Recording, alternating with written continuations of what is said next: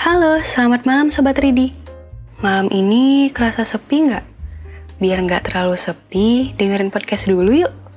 Malam ini, aku mau bacain sebuah puisi yang mengungkapkan tentang dua insan yang pernah bertemu, tapi belum ditakdirkan untuk bersama.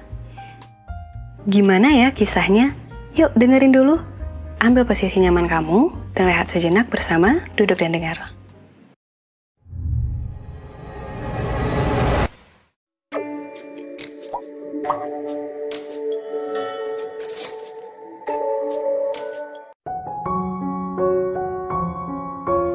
Goresan Tinta.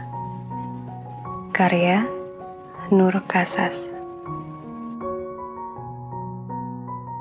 Jalan Kamboja. Jadi saksi bisu atas cerita di mana aku dan dia bertemu. Dalam waktu tertentu.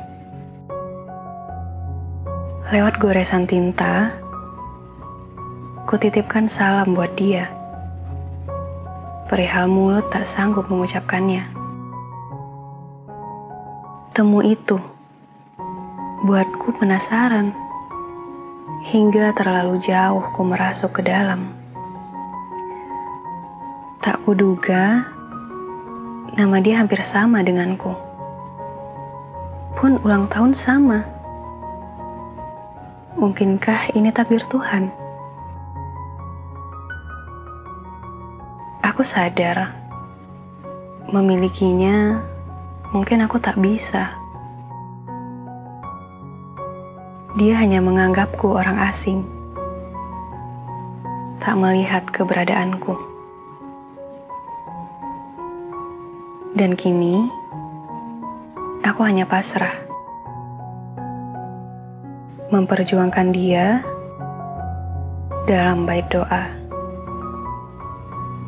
Jombang, 4 Juni 2020. Goresan Tinta, karya Nur Kasas.